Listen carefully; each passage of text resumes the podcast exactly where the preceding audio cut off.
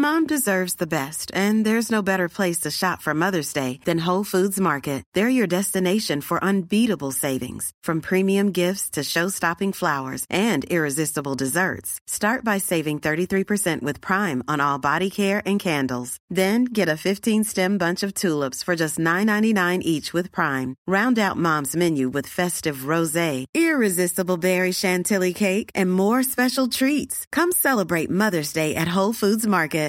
Imagine the softest sheets you've ever felt. Now imagine them getting even softer over time. That's what you'll feel with Bowl and Branch's organic cotton sheets. In a recent customer survey, 96% replied that Bowl and Branch sheets get softer with every wash. Start getting your best night's sleep in these sheets that get softer and softer for years to come. Try their sheets with a 30-night guarantee. Plus, get 15% off your first order at bowlandbranch.com. Code BUTTERY. Exclusions apply. See site for details. Even on a budget, quality is non-negotiable. That's why Quince is the place to score high-end essentials at 50 to 80% less than similar brands. Get your hands on buttery soft cashmere sweaters from just 60 bucks, Italian leather jackets, and so much more. And the best part about Quince, they exclusively partner with factories committed to safe, ethical, and responsible manufacturing. Elevate your style without the elevated price tag with Quince. Go to quince.com slash upgrade for free shipping and 365-day returns.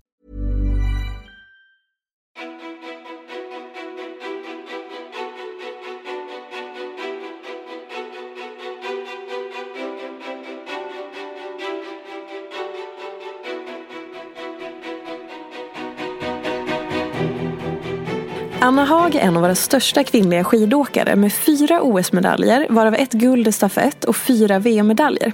I över tio år så har hon varit en självklar del av skidlandslaget och hon har tillsammans med sin man, längdskidåkaren Emil Jönsson, gett oss mängder med oförglömliga idrottsögonblick. Men efter förra säsongen tog sagan slut och Anna avslutade skidkarriären. Ett nytt liv har nu börjat och då på flera sätt i och med att hon nyligen berättade att hon är gravid. Hur var övergången från strikta träningsprogram och media till ett vanligt liv? Vad är baksidan med all framgång? Vem är egentligen Anna Haag Jönsson? Varmt välkommen till podcasten Ofiltrerat med mig Sofia Peterfia Ståhl. Tack Hej, så mycket. Anna. Hej! Men du, alltså, jag hade, så här, fram till helgen så hade jag inte tänkt fråga om eh, din graviditet eller så. Men eftersom du precis har liksom berättat att du är gravid i vecka mm. 22 mm. så måste vi ändå börja där någonstans. Mm. Hur mår du? Idag mår jag, just idag mår jag lite sämre. Har jag en sån här, jag får som kanske var sjunde, var tionde dag. Jag måste ta det lite lugnt. Men annars mår jag oförskämt bra. Det är alltså, ja, jag hade de första tre månaderna var bland de jobbigaste jag varit med om. Ja. Och Emil brukar skämta och säga lite, du trodde ju liksom att du skulle kunna hålla emot det där. Men det gick ju inte. Men, och den enda stunden jag mådde bra var när jag tränade på dagen. Ah, ja. Du orkade ändå samla ihop dig och träna? Ja, men jag ringde min läkare från landslaget eh, ganska tidigt när jag hade upptäckt att jag var gravid. Eh, och så frågade jag så här, nu mår jag ju så här jättedåligt. Men jag märker ju när jag rör på mig att jag mår bättre. Och då sa han bara det, men din kropp är så van att röra på sig. Så gör det du orkar. Mm. Eh, och sen om det blir för mycket så kommer den att säga till. Mer än vad du någonsin varit med om. Så jag har liksom bara lyssnat på de rådena. Och så var den där tiden jag tränade och så kanske någon endorfintimme efteråt som jag liksom mådde bra. Men har du alltid haft lätt för att lyssna med kroppen? Nej, överhuvudtaget inte. Varför inte? Eh, jag är ju en sån som älskar att pusha mina gränser. Mm. Eh, på alla sätt. Och då måste man ju på något sätt lägga bort det där att lyssna på kroppen. Eh, och det har jag varit expert på. Speciellt eh, där efter mina första framgångar. För då vill man ju så mycket mer och då vill man pusha väldigt mycket mer. Så jag har ju verkligen kört mig själv i botten många gånger. Men man lär sig otroligt mycket av de här eh, tillfällena. Så att jag kan ju inte säga att jag ångrar att jag inte har lyssnat på kroppen för att jag har lärt mig väldigt mycket. Samtidigt som man, man kan känna ibland så här, när man har blivit lite äldre att åh, varför hade jag inte bara kunnat vara lite snällare? Men kan du ta oss till något sånt tillfälle när du liksom körde över de då naturliga kanske stoppsignalerna eller så och pushade lite för hårt? Alltså jag har haft, eh, tror jag, tre sådana tillfällen i livet. Första gången var redan när jag var 18 år. Eh, då gick jag in i väggen så jag fick, liksom, egentligen skulle jag gått gymnasiet på tre år. Men jag fick gå på fyra istället. Mm. Så mitt sista år delade jag upp på, på två år. Okay. Eh, och det är ju nu över 15 år sedan. Sen var det någon gång i 25-årsåldern. Eh, men den senaste gången var ju faktiskt bara för ett år sedan. Eh, jag var så himla driven att eh, få den där individuella OS-medaljen i Pyeongchang. Så året innan tränade jag mer, bättre än vad jag någonsin gjort. Men jag vilade lite sämre. Mm. Och den mm. kombinationen är ju inte så himla bra. Så redan i oktober före OS, OS, alltså oktober 2017, så sa kroppen ifrån. Men jag är ju så fantastiskt driven i det jag gör så jag la ju lite det åt sidan. Trots alla runt omkring mig sa att jag skulle bromsa. Så jag lyckades på något sätt hålla huvudet ovanför vattenytan hela den säsongen. Men jag fick ju inga resultat. Jag tror jag hade en topp fem placering och det är ju liksom inte alls bra för att vara mig. Eh, och sen när säsongen tog slut så eh, var det ju så häftigt att sluta. Man hade ju så mycket tid för att göra saker. Jag och Emil gifte oss och det var liksom bröllopsresor, var allting. Så när jag kom hem, när vi landade hemma i juli förra året, då gick rullgardinen ner på riktigt. Mm. Så jag blev, på fem veckor tränade jag inte. Jag orkade inte gå runt en kohagen hemma. Och jag liksom sov mest hela tiden och jag blev eh, deprimerad men under en väldigt kort tid. Eh, och liksom fick verkligen omvärdera vad jag vill ha ut av livet och vad jag vill göra. Och jag är väldigt tacksam att jag fick liksom, den här riktiga smällen. För ofta får man bara lite så här bumps in the road. Och du lär dig inte så mycket utan du kanske bara kör på till nästa liksom, gupp i vägen. Men jag fick den här riktiga kraschlandningen vilket gör att man verkligen omvärderar det man gör och det man tycker är kul. Så det har ju det är därför jag sitter här idag, är gravid, mår hur bra som helst och känner mig jättetillfreds med livet. Men du sa att redan i oktober så började både din kropp och omgivningen att säga ifrån. På vilket sätt började liksom kroppen säga ifrån då? Alltså första symptom som idrottare är ju väldigt ofta att man blir förkyld eller skadad. Eh, och jag har haft en rygg som har strulat väldigt länge. Och det har ofta kommit när jag har liksom pushat mig lite för hårt. Så jag fick både, först fick jag ont i ryggen. Jag var på ett läger, fick behandlingar varje dag. Och de liksom, men du kanske inte ska köra det här passet nu, vi kanske ska bromsa lite. Och jag bara, nej, vi ska köra. Och när jag inte lyssnade på det, några dagar senare blev jag förkyld. Och den här förkylningen ville jag inte gå över. Så det var liksom de här första typiska tecknena. Och sen när jag skulle komma tillbaka så svarade inte kroppen på träningen överhuvudtaget. Ehm, och sen är det ju det där klassiska humöret. Man är ju inte den trevligaste flickvännen just då heller. Eller för sin omgivning. Men hur, liksom, när du säger kroppen svarar inte. För någon som kanske inte är för att eh, jag tänker mig att som idrottare så är man ju tvingad, alltså kroppen är ju ert arbetsre, främsta arbetsredskap. Så att ni lär er att så här, lyssna, även om du säger att du kör över kroppen och liksom så, så, så kan du ändå kommunicera med den. Och då, hur uttrycker den när den så här, inte svarar på träningen till exempel? Vad, händer, vad är det som händer? Hur, hur känns det? Alltså, det som jag fick lära mig i fjol somras, det var ju att en fysisk, eh, alltså kroppslig överträning är ju väldigt lik en psykisk utmattning. Och det ena ger ofta det andra och man vet inte vilket som ger vad. Jag fick ju liksom jag hade ju en fysisk överträning som blev en psykisk utmattning förra sommaren. Då. Mm. Men där och då var det ju väldigt mycket de fysiska symptomen. Och det var till exempel om jag körde ett intervallpass kunde jag inte driva pulsen. Alternativt att jag blev, fick mjölksyra direkt. Och jag är en sån där som alltid har åkt alla tävlingar utan mjölksyra. För det är så min kropp fungerar. Mm. Jag blev väldigt trött eller jag kunde inte sova. Så det var liksom så här, egentligen ganska typiska tecken för en stressad person i vardagen. Men för en idrottare sätter det sig då i kroppen liksom. Mm. Och muskelvärk eh, fick jag. Eh, jag blev liksom som min eh, sjukgymnast sa det. Hela din kropp är som att den är i ett försvarsläge. Alltså jag var stel. Så alltså, jag är ganska stel som person i vanliga fall. Men jag kunde typ inte böja framåt och toucha tårna. Mm. Alltså bara sådana tecken. Och det, sånt tror inte jag en vanlig människa reagerar över om man inte känner sin kropp så väl. Men, och sen så, eh, alltså just det här med att Alltså, jag tänker mig att det var två sidor, nu får du rätta mig om jag har mm. fel. Mm. Men jag tänker mig att det är två sidor i dig i det här. För att du har din långa erfarenhet av en så här, lång proffskarriär som skidåkare. Du har jobbat med din kropp hela ditt vuxna liv, hela din ungdom, allting. Du vet ju. Men det är ändå någonting som gör att du fortsätter pressa dig.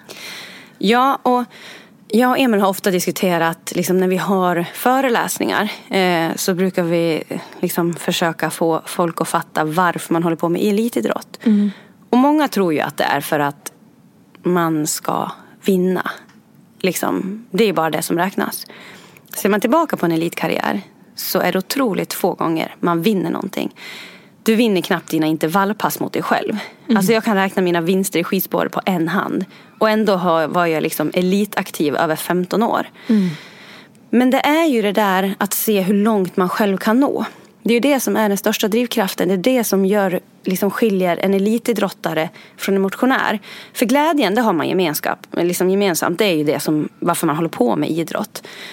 Men det där att vilja se hur bra man kan bli till vilket pris som helst. Det är det som liksom särskiljer en elitidrottare från någonting annat.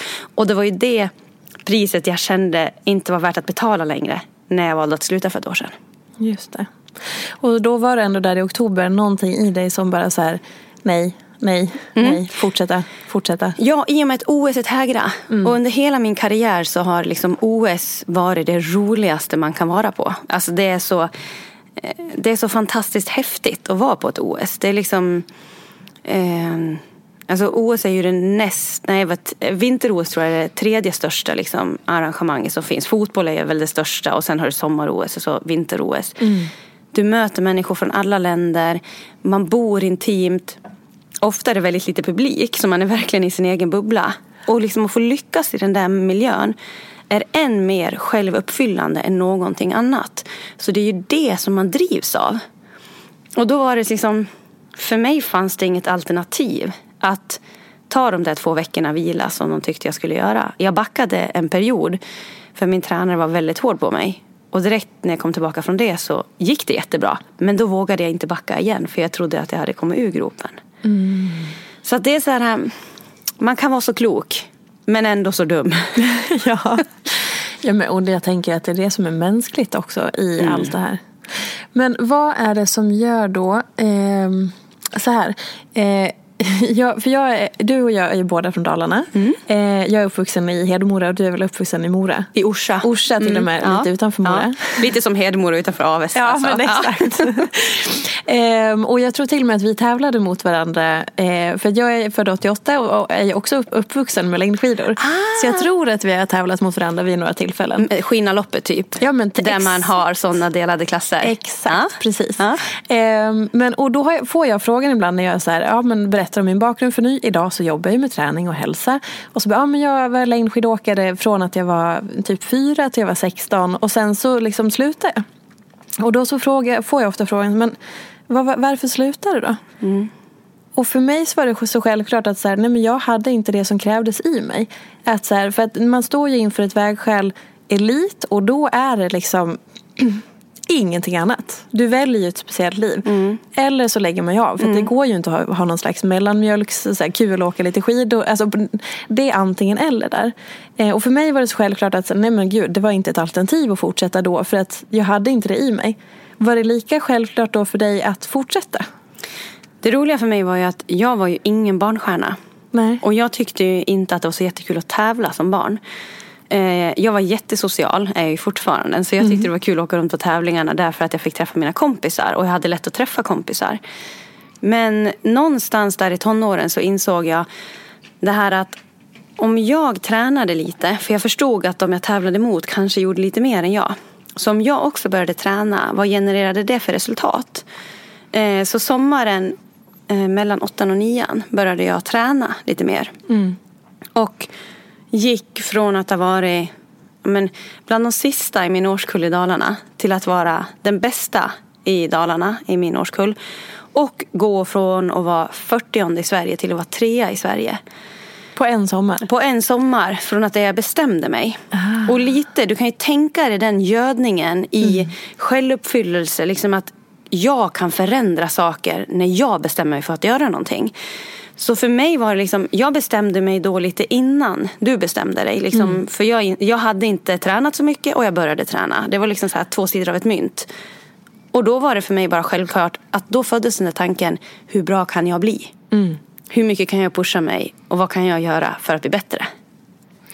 Det är så jädra häftigt att liksom För det krävs ju något. Det, alla människor kan ju inte bli elitidrottare. För jag kan tänka, jag, det lilla jag vet om det är väl att det är ett otroligt speciellt liv.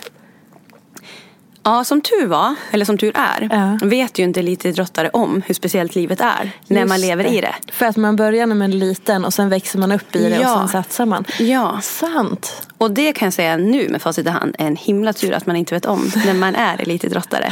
För jag är ju nästan lite rädd så nu, för jag har ju väldigt bra kontakt fortfarande med mina skidkollegor liksom. Ja. Eh, och jag är ju väldigt försiktig med att berätta om hur bra jag tycker det här nya livet är. Därför att jag vill ju att de ska få liksom, prova sina vingar så långt de orkar att göra. Men för mig har det ju blivit att jag har ju plockat de bästa russinen ur kakan. Jag är fortfarande vältränad, jag har fortfarande en bra fysik.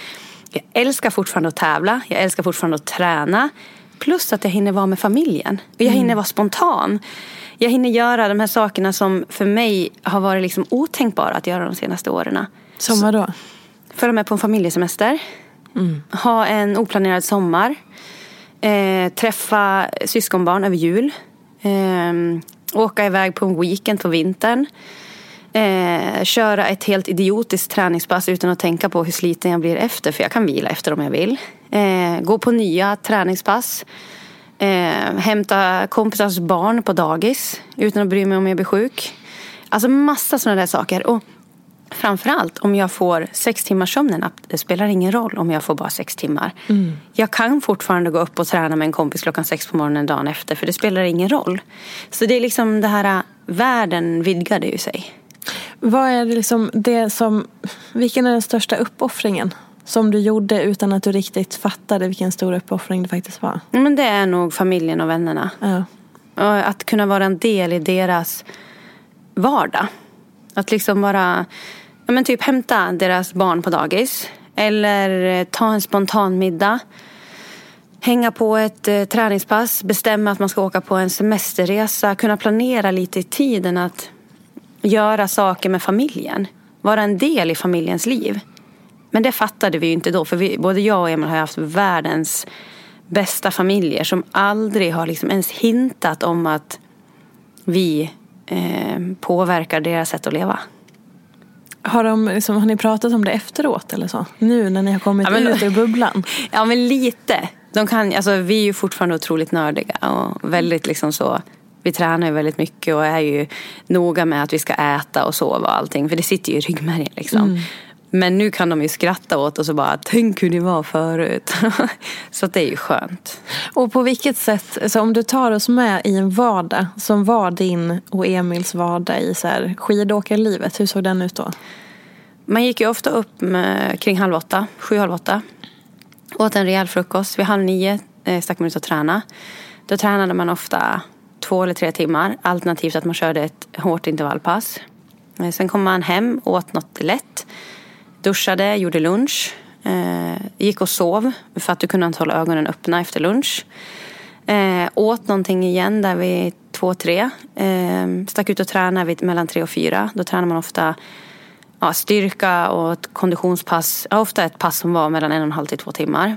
Eh, åt någonting när man kom tillbaka från passet. Duschade, förberedde middagen. La sig i soffan eller betade av mejlen som man inte hade orkat på dagen. Eh, åt kvällsvika vid nio och gick och la sig vid tio. Och samma sak. Varje dag. Förutom kanske en dag i veckan. Så typ fem, sex timmars träning.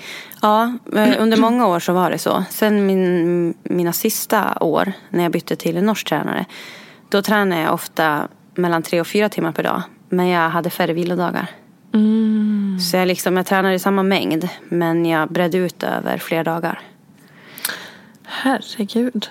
Både inrutat och som du sa, att så vissa saker får man välja bort för att man riskerar att bli sjuk. Eller man riskerar olika saker. Eller fokus eller sömnen och så. Ingen spontanitet. Nej, väldigt, väldigt lite. Men fanns det någon gång där du var nära att sluta? Eller där du började tvivla på, är det det här jag vill göra? Under många år hade jag väldigt ont i kroppen. Ehm, som sen visade sig komma från min rygg. Men jag hade väldigt ont i vaderna så jag kunde inte skata eh, överhuvudtaget nästan. Och klassiskt gick ibland och kom jag till en backe när jag var ute och sprang fick jag backa upp för backen. Och då var jag lite så här, är det här värt det? Men jag hade fortfarande mitt driv av att vilja liksom, jag ville fortfarande se hur bra jag kunde bli. Så att visst, kan, tanken kanske fanns där. Men det var aldrig att jag tänkte tanken att det skulle kunna bli en verklighet. Men, och hur, hur är det nu när ni har, hur säger ni? För det, okej, innan jag tar den här frågan. Det som är med dig och Emil också, därför jag till och med säger ni, är att ni är ju på många sätt som en. För att är Anna och Emil, både att ni har liksom alltid varit eh, liksom partners i ert förhållande i skidspåren och att ni har ett, ett varumärke tillsammans och att så här, ni gör allt tillsammans. Det låter så klyschigt och jobbigt för ni är olika människor. Men ni har ju verkligen så här, det är ni på många plan. Ja. Eh, plus att ni har en privat relation. Och liksom, hur, hur fasen håller ni ihop det? Hur tröstnar det inte? Ni har varit ihop i evigheter och gör ja. jätte jättemycket tillsammans. Ja, och det var ju också lite spännande när vi slutade. Ja. Ehm, för jag hade fortfarande drivet kvar att vilja träna och tävla lite. Och Emil var ganska bränd. Han var inte alls så sugen på att träna och tävla.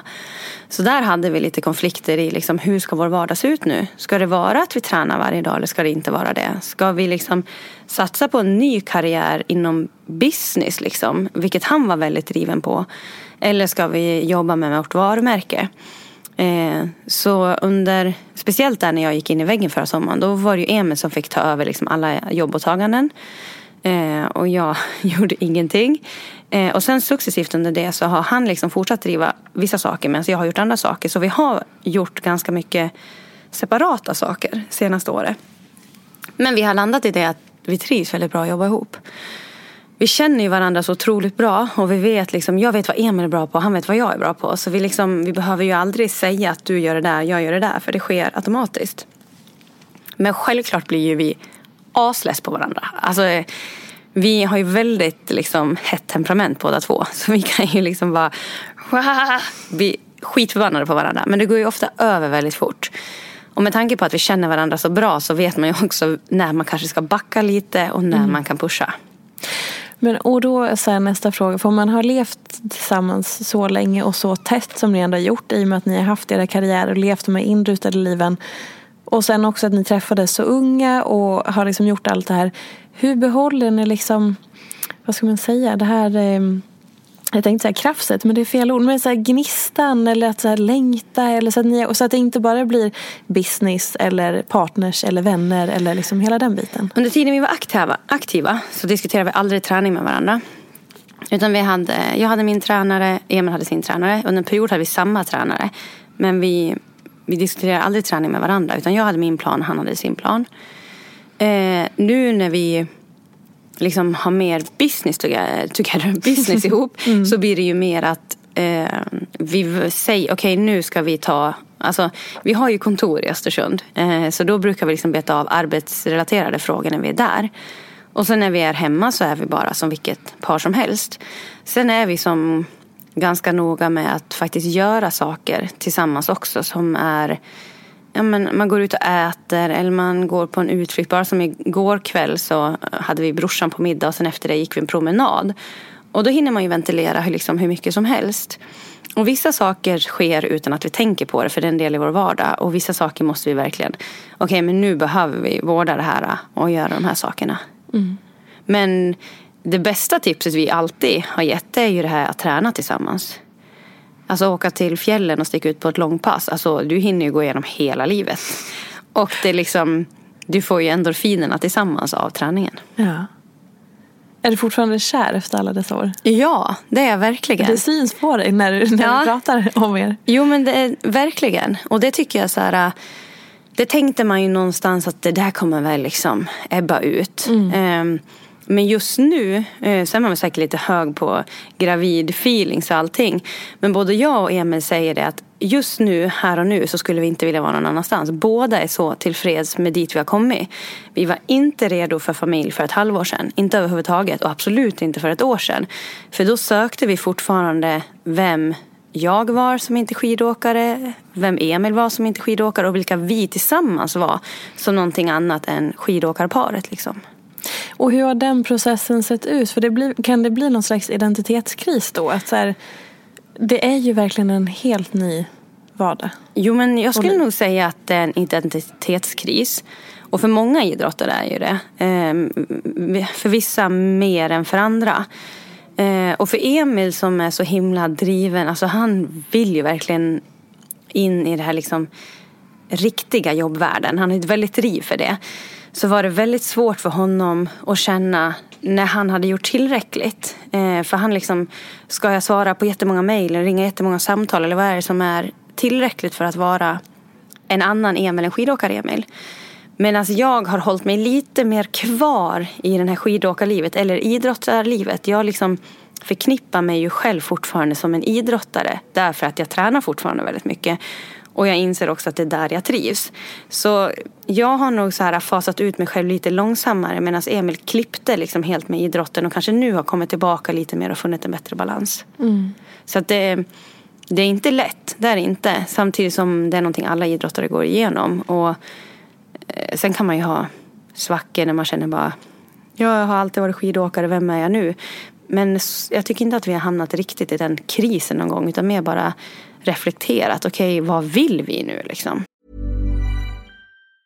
If you thought the only way to get a more defined jawline with natural-looking results was through surgery, think again. Juvederm Volux XC is a non-surgical injectable gel filler that improves moderate to severe loss of jawline definition and can help you achieve natural-looking results with little downtime. Even better, this improved definition lasts up to one year with optimal treatment. No maintenance required. Improve jawline definition for a smooth, sculpted look with Juvederm Volux XC. For important safety information and to find a licensed specialist, visit juvederm.com. That's J U V E D E R M.com. Not for people with severe allergic reactions, allergies to lidocaine, or the proteins used in Juvederm. Common side effects include injection site redness, swelling, pain, tenderness, firmness, lumps, bumps, bruising, discoloration, or itching. There's a risk of unintentional injection into a blood vessel, which can cause vision abnormalities, blindness, stroke, temporary scabs, or scarring. Talk to a licensed specialist specialist to find out if it's right for you.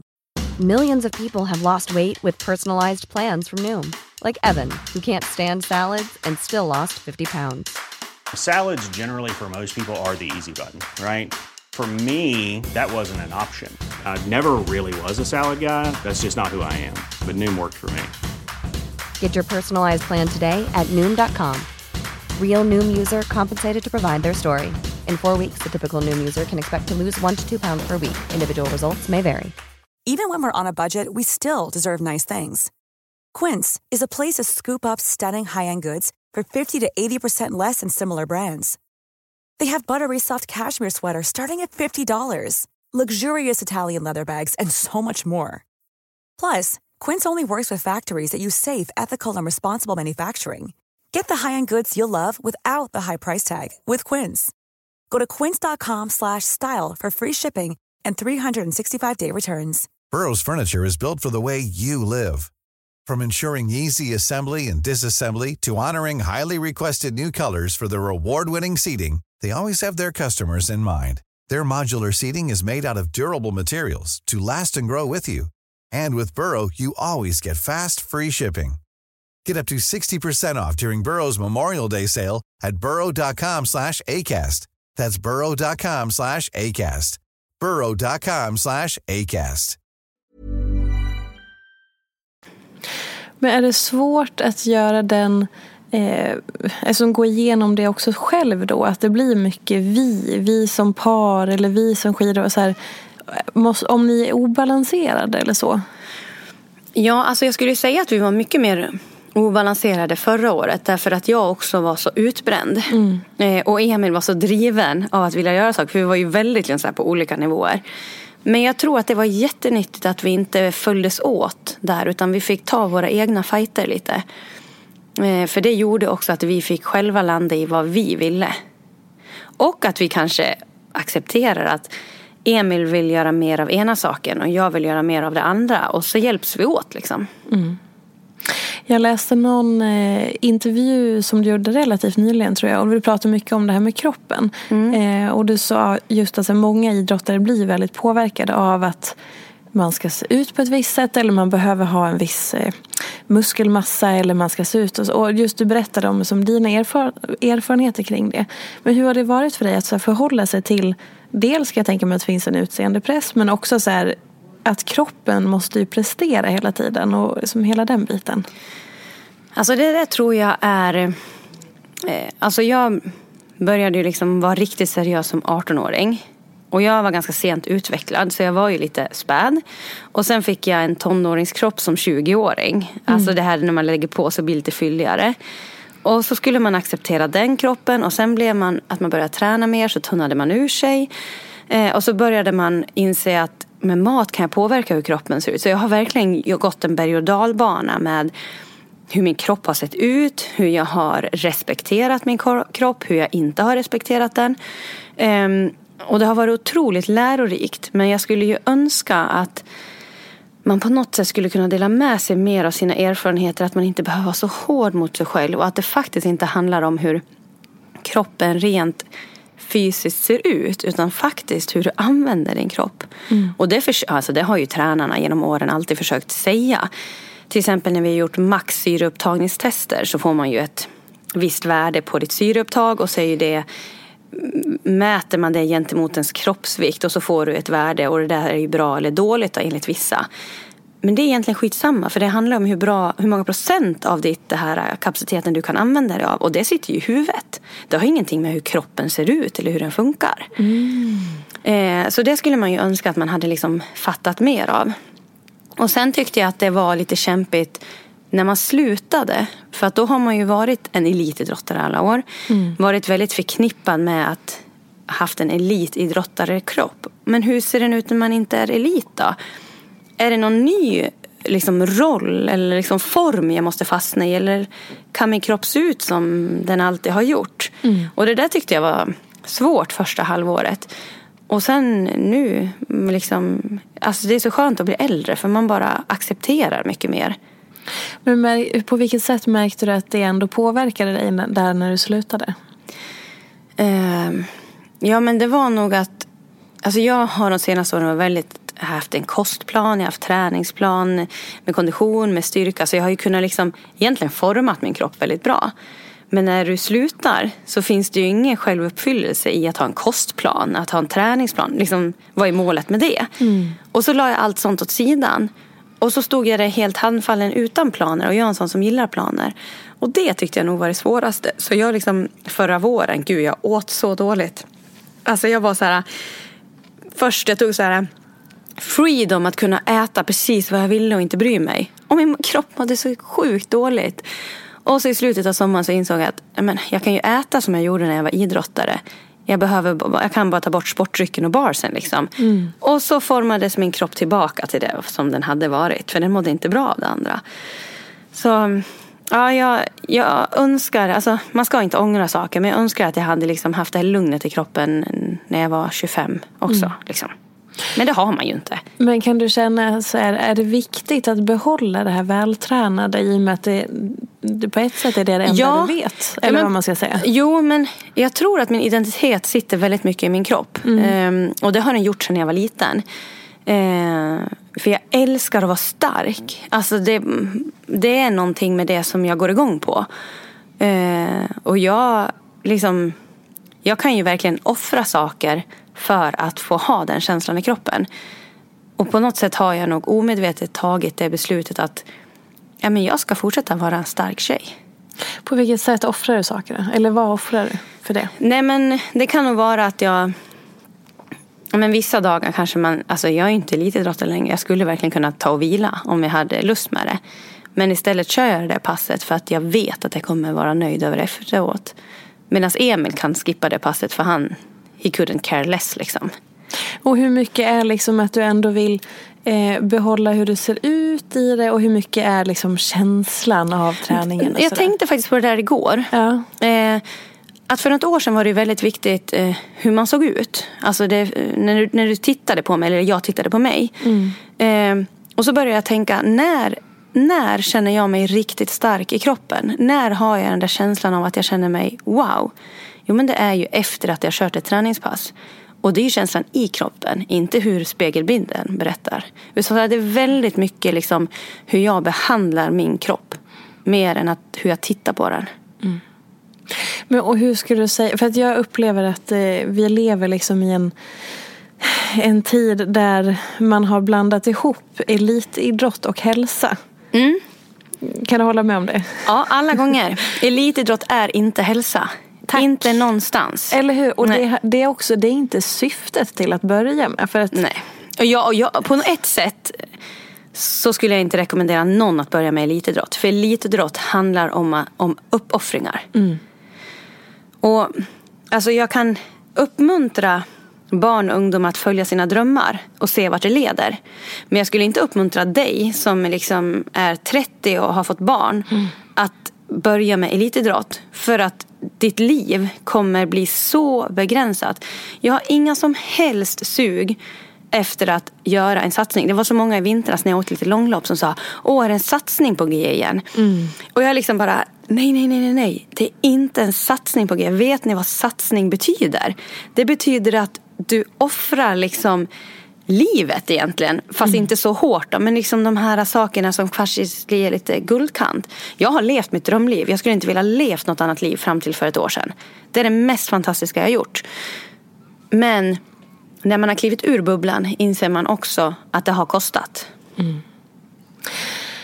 Ja, och, gud, bra, bra brandtal känner jag. Men för det är så otroligt viktigt. Och framförallt när man ser bilder, alltså man ser allting på Instagram, eh, där många, eller sociala medier.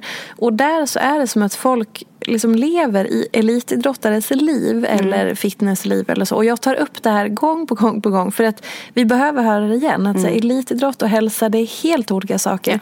Men det har blandats ihop. Och det är som att så här, bara för att jag ska börja träna så måste jag ha ett kostschema. Jag måste ha det här. Jag måste ha proteinpulver och allting. Och jag måste ha ett mål som Ja. är way out of allt.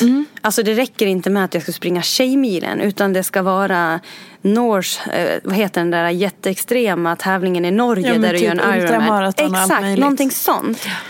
Och då blir jag också så här att nej, nej, nej, nej, nej. Alltså om du inte har, säg att du har fått barn och så vill du komma igång igen. Och för fem år sedan sprang du milen på 50. Ja, men självklart kommer du inte springa milen på 50 när du börjar igen nu. Och var inte så elak mot dig själv att du sätter målet att du ska springa på 50. Alltså för det är liksom så här, jag tycker folk är så elaka mot sig själv. Jag är jätteunnig mot mig själv idag. Alltså var jag en, alltså typ att jag gick upp för trapporna hit idag. Då klappar jag mig själv på axeln. Och jag har ändå kommit från en elitkarriär. Ja. Och jag kan ju vara jättenöjd en dag när jag vet att jag äter mina fem måltider med jämna mellanrum med bra råvaror. Alltså då är jag sjukt nöjd. Alltså sådana enkla saker. Och det, menar, börjar du träna, det felet många gör, det är att man börjar träna och man skärper sin kosthållning. Vad händer då? Jo, du äter för lite. Så att, och du tränar för mycket och du blir sjuk och så får du tre, fyra veckors uppehåll och så har du världens motbacke att börja igen. Börja ät bättre eller börja träna. Gör en av sakerna. Mycket bra. Ja. Gud vad skönt. ja men det är ju det. Och det är så här, vi, ja, herregud, vi lever ju i en sinnessjuk värld när det gäller alla de här grejerna. Men du sa att du var mycket snällare mot dig själv. Vi var inne lite på det. När du var 18 där. När du, är det någonting, för du sa du kallade det som lite bumpy road och lite så här att du verkligen, det var förra sommaren som det smällde. Men där när du var 18 då, vad var det som, som, hur hamnade du då i att du gick in i väggen där? Överambitiös med skolan. Eh, samtidigt som jag var med i ett juniorlandslag. Jag tränade ganska mycket. Eh, och alla vet ju liksom, alltså gymnasiestudier i trean. Det är inte piece of cake. Och jag läste gymnasiestudierna med samma takt som de som bara läste gymnasiet. Plus att jag skulle träna de här timmarna. Och jag var borta på läger var och varannan vecka. Och tävlingar hela helgerna. Varje helg. Så det blev liksom för mycket. Och det som var så häftigt då, det var ju att det var min lärare som ringde hem till mamma. Och sa att nu verkar inte Anna må så bra för hon är jätteotrevlig i klassen. Så det var mamma, min lärare och min tränare. Alla tre starka kvinnor. Som satte sig ner med mig. Och sa att eh, nu får du bestämma dig för någonting. Du får inte träna på två eller tre veckor. Jag kommer inte ihåg hur länge det var. Under tiden funderar du. Men eh, vi rekommenderar att du går ett år till i skolan. Och eh, liksom, nu får du slappna av lite. Det var väldigt hårda mot mig. Och så är det med facit i hand. Otroligt tacksam över att de vågade göra det. Men, och vad hände i dig under det samtalet? Då, du, då var du liksom lite ställd på... Ja, och jag är ju sån som hatar att ha fel. Aha. Ja, så jag blev nog ganska stött och eh, hade nog säkert ett brandtal till försvar. Eh, All, mest troligt. Men det här var inga kvinnor man sätter sig upp mot. Utan det var bara att lyssna. Och det gjorde du? Ja, jag gjorde det. Och hur förändrades ditt liv då? Men det blev ju, jag tror att mina axlar åkte ner väldigt mycket. Och det liksom... Eh, ja, men jag tror, på något sätt så tror jag också att jag insåg då att idrotten var viktigare än skolan för mig just då. Eh, så att jag vågade slappna av lite med skolan och eh, satsa lite mer på idrotten. Eh, det var ju nog inte så att jag gjorde så mycket mindre men jag liksom om, alltså justerade lite min insats på de olika planen. Mm. Och vad, så här, om vi ska gå tillbaka till det här, den här långa karriären som mm. du ändå har haft. Så här, vilken period sig, skulle du säga så här, format dig eller påverkat dig mest? Men jag skulle nog säga mina... Jag kom ju in i landslaget och började åka världscup 2007. Då var jag 21. Mm. Jag skulle nog säga att de där första åren i laget formade mig absolut mest. För att det gick väldigt fort. Eh, tills det gick, och, och, gick väldigt, väldigt bra väldigt tidigt. Och det var liksom... Äh, gud vilken dröm jag levde alltså. Det var, och där och då blev jag nog den jag är idag. Tror jag också. På vilket sätt? Um, ännu lite tryggare i mig själv tror jag. Uh, ännu mer lite bestämd vad jag ville. Um, ja men ännu mer envis. På något sätt. Det behövdes i hela det där. Jag tror inte att jag hade behövt bli mer envis. Jag tror jag hade kunnat leva på det jag hade innan. Men det blev liksom den inställningen jag hade till, eller den inställningen jag fick till mitt idrottande då. Den har jag levt med resten av min karriär. Men har det alltid då, som behöv, måste det alltid vara på blodigt allvar? Kan man unna sig att det så här, ja, Jag tyckte ju under min karriär att jag var ganska Alltså så här, att jag, jag och Emil drev ju under alla de här åren vårt, våra företag. Um, och försökte ju liksom slappna av lite mellanåt, kanske mer än vad många andra gjorde. Men nu efteråt skulle man ju ha vågat vara ännu mer cool. Mm. Men går det då? Eh, ja, bevisligen går det. Jag, alltså, det finns de i laget som jag tycker gör saker på helt rätt sätt idag. Kan du ge något exempel? Nej, men bara det om du vaknar upp på morgonen och känner att idag är inte dagen. Idag är inte dagen för att köra de där intervallerna jag hade planerat. Mm. Och så går man och lägger sig igen. Alltså ett dåligt träningspass eh, när man är på den nivån. Det försämrar ju ofta dig bara. Då är det bättre att bara skita i det. Och faktiskt lyssna på kroppen. Men det gjorde ofta du inte? Absolut inte. Nej. Nej. Men och hur gör du det idag? Som till exempel nu när du är gravid. Mm. Det blir jag, också en helt ny situation. Jag vaknade ju i morse och hade ont i huvudet och liksom var spänd i magen och bara kände som att jag hade suttit uppe och festat mat hela natten. Liksom. Och då bara, så skulle jag och Emil egentligen ut på en cykeltur. Han skulle visa mig något område. Och jag har inte cyklat med honom här i Stockholm så många gånger. Eh, men då sa jag bara, nej men idag får du träna själv. Så jag har faktiskt legat och sovit fram tills jag kom hit. Underbart. Ja, så att eh, Emil sa också det. Det är så underbart att höra Ann, att du faktiskt börjar lyssna på kroppen lite. Men jag skulle säga att du, för du berättade att du var en duktig flicka mm. eh, där tillbaka. Och mm. du, på ett sätt så det, har du väl varit det liksom ja. under hela så. Men mm. är du fortfarande det? Eller liksom, Känner du att det har släppt lite? Jag tror att det har släppt eh, med Eller åren. Eller vill du att det ska ha släppt? Jo, jag vill att det ska släppa lite. Eh, och jag tror att det handlar om mognad. Att man liksom inte blir den där som ska bevisa för alla andra att man gör det bra. Men jag har fortfarande ett väldigt driv inom mig att göra saker bra. Mm. Hur fasen kommer man loss ifrån det då? alltså, jag vet inte. Jag tror att det är Eh, det krävs år med KBT. Mm. och då ska jag säga att jag har ändå liksom jobbat med psykologer alltså, i så många år. Alltså jag har gått KBT ja, under stora delar av min karriär. Mm. Eh, och då har vi ofta jobbat med det här uh, duktiga flicka-syndromet fast kanske i prestation i, i, i idrotten. Då. Men eh, jag tror det bara handlar om att man måste vara, bli snällare mot sig själv. Mm. Och ge sig själv cred. Alltså, jag är duktig på att ge mig själv cred. Jag tycker alltid att jag gör saker bra. Emil bryter ihop för att jag är så okritisk mot mig själv. Men samtidigt så när jag väl gör saker så vill jag göra det så fruktansvärt bra. Så att det är liksom, du vet den här förväntansångesten inför att göra saker. Den har också blivit bättre, men mm. den kan ju bli ännu bättre. Men blir, för dig ändå, då är du inte perfektionist. Eller är du det också på, uppe på allt det här? Men det låter ändå som att då kan du ge dig själv cred Ja men det är en väldigt skum variant för jag är ju perfektionist. Ja. Verkligen. Och menar, när jag ska ut och träna och jag har en plan, typ vilka inter- intervaller jag ska köra. Så kan jag ju bli sjukt less på Emil om han vill stanna och stretcha eller om han tycker att vi ska göra en annan typ av intervall. För att jag vill ju checka av mitt pass. Och liksom så här, det är det jag har gjort. Eller om jag säger att vi ska städa hemma så får det ju inte vara att det bara svabbar av utan det ska ju vara rejält gjort. Därför städar jag väldigt sällan. För att jag orkar inte. För att det blir på en sån avancerad ja, nivå då? exakt. Ja. Intressant. Men och hur mycket liksom av alla de här grejerna som du har känner du att så här, fasen, det här hade liksom, det här skulle jag kunna jobba på så att det blev en lite skönare tillvaro. Eller att det här är bara en tillgång. Alltså jag skulle säga 50-50. Men det är ju så, alltså jag har ju ett nummer till en KBT-are i Östersund. Eh, för att de man jobbade med under sin aktiva karriär jobbar jag ju inte längre med. Så nu har jag varit utan det ett år. Så jag har ju liksom längst upp på min to-do-list har jag en KBT-are som jag tänkt att jag ska ringa för mina issues. Jag har jättesvårt att inte vara i tid. Eh, och när jag och Emil gör saker tillsammans är vi aldrig i tid. Nej. Och det får mig på skitdåligt humör. Det är en sån sak som jag verkligen skulle behöva jobba med. Och Att slappna av lite Att bara slappna av lite, att ta det chill.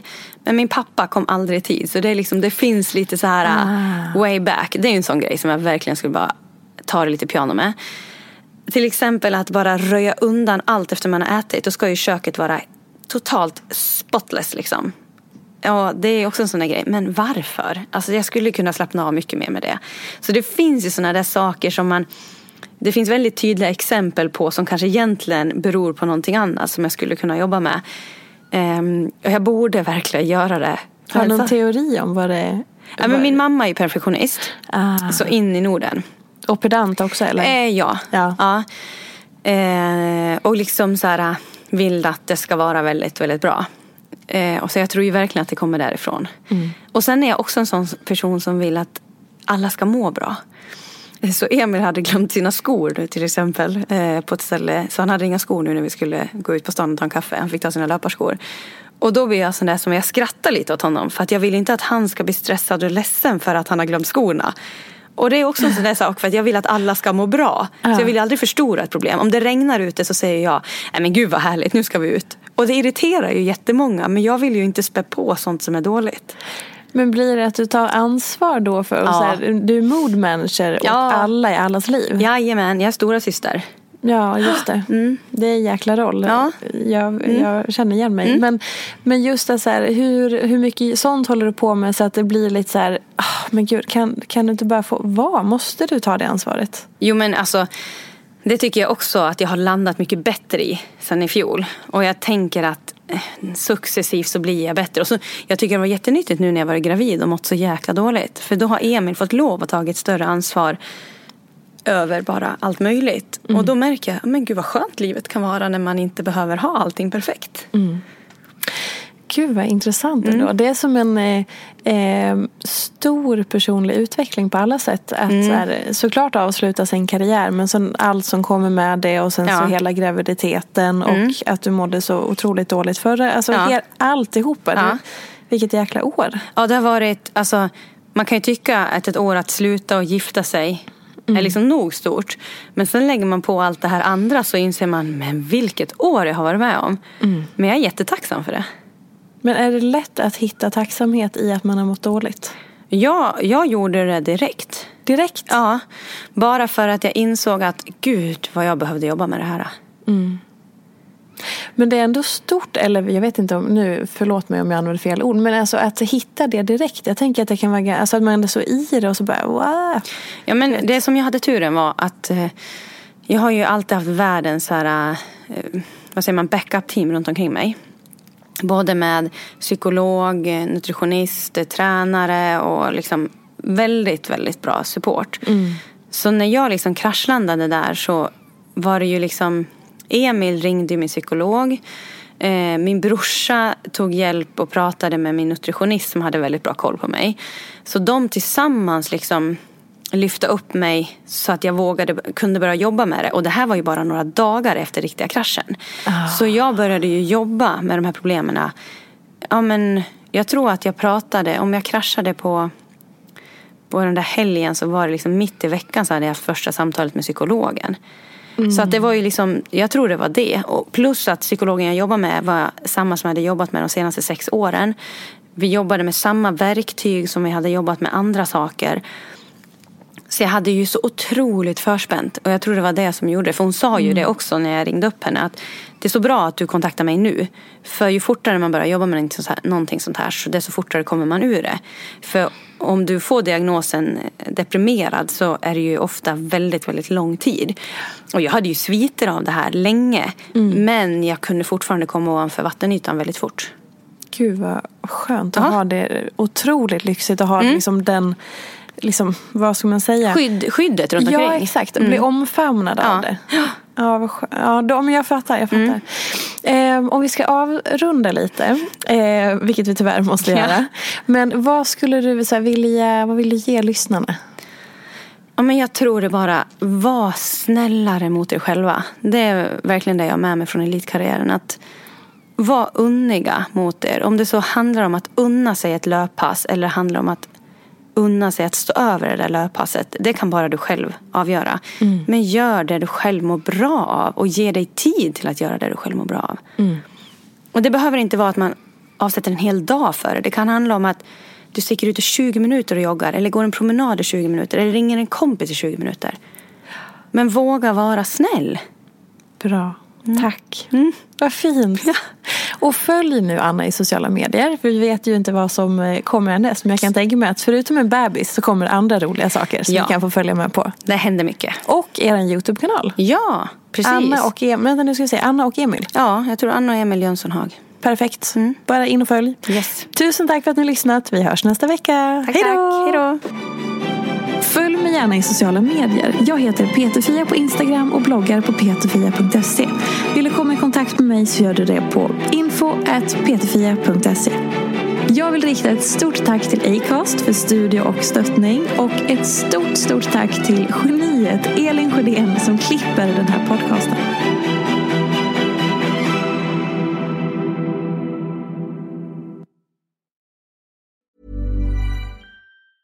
A lot can happen in three years, like a chatbot may be your new best friend. But what won't change? Needing health insurance. United Healthcare Tri Term Medical Plans, underwritten by Golden Rule Insurance Company, offer flexible, budget friendly coverage that lasts nearly three years in some states. Learn more at uh1.com. Hey, it's Paige DeSorbo from Giggly Squad. High quality fashion without the price tag? Say hello to Quince.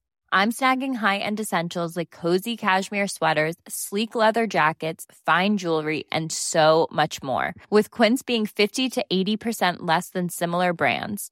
And they partner with factories that prioritize safe, ethical, and responsible manufacturing. I love that. Luxury quality within reach. Go to quince.com slash style to get free shipping and 365 day returns on your next order. Quince.com slash style.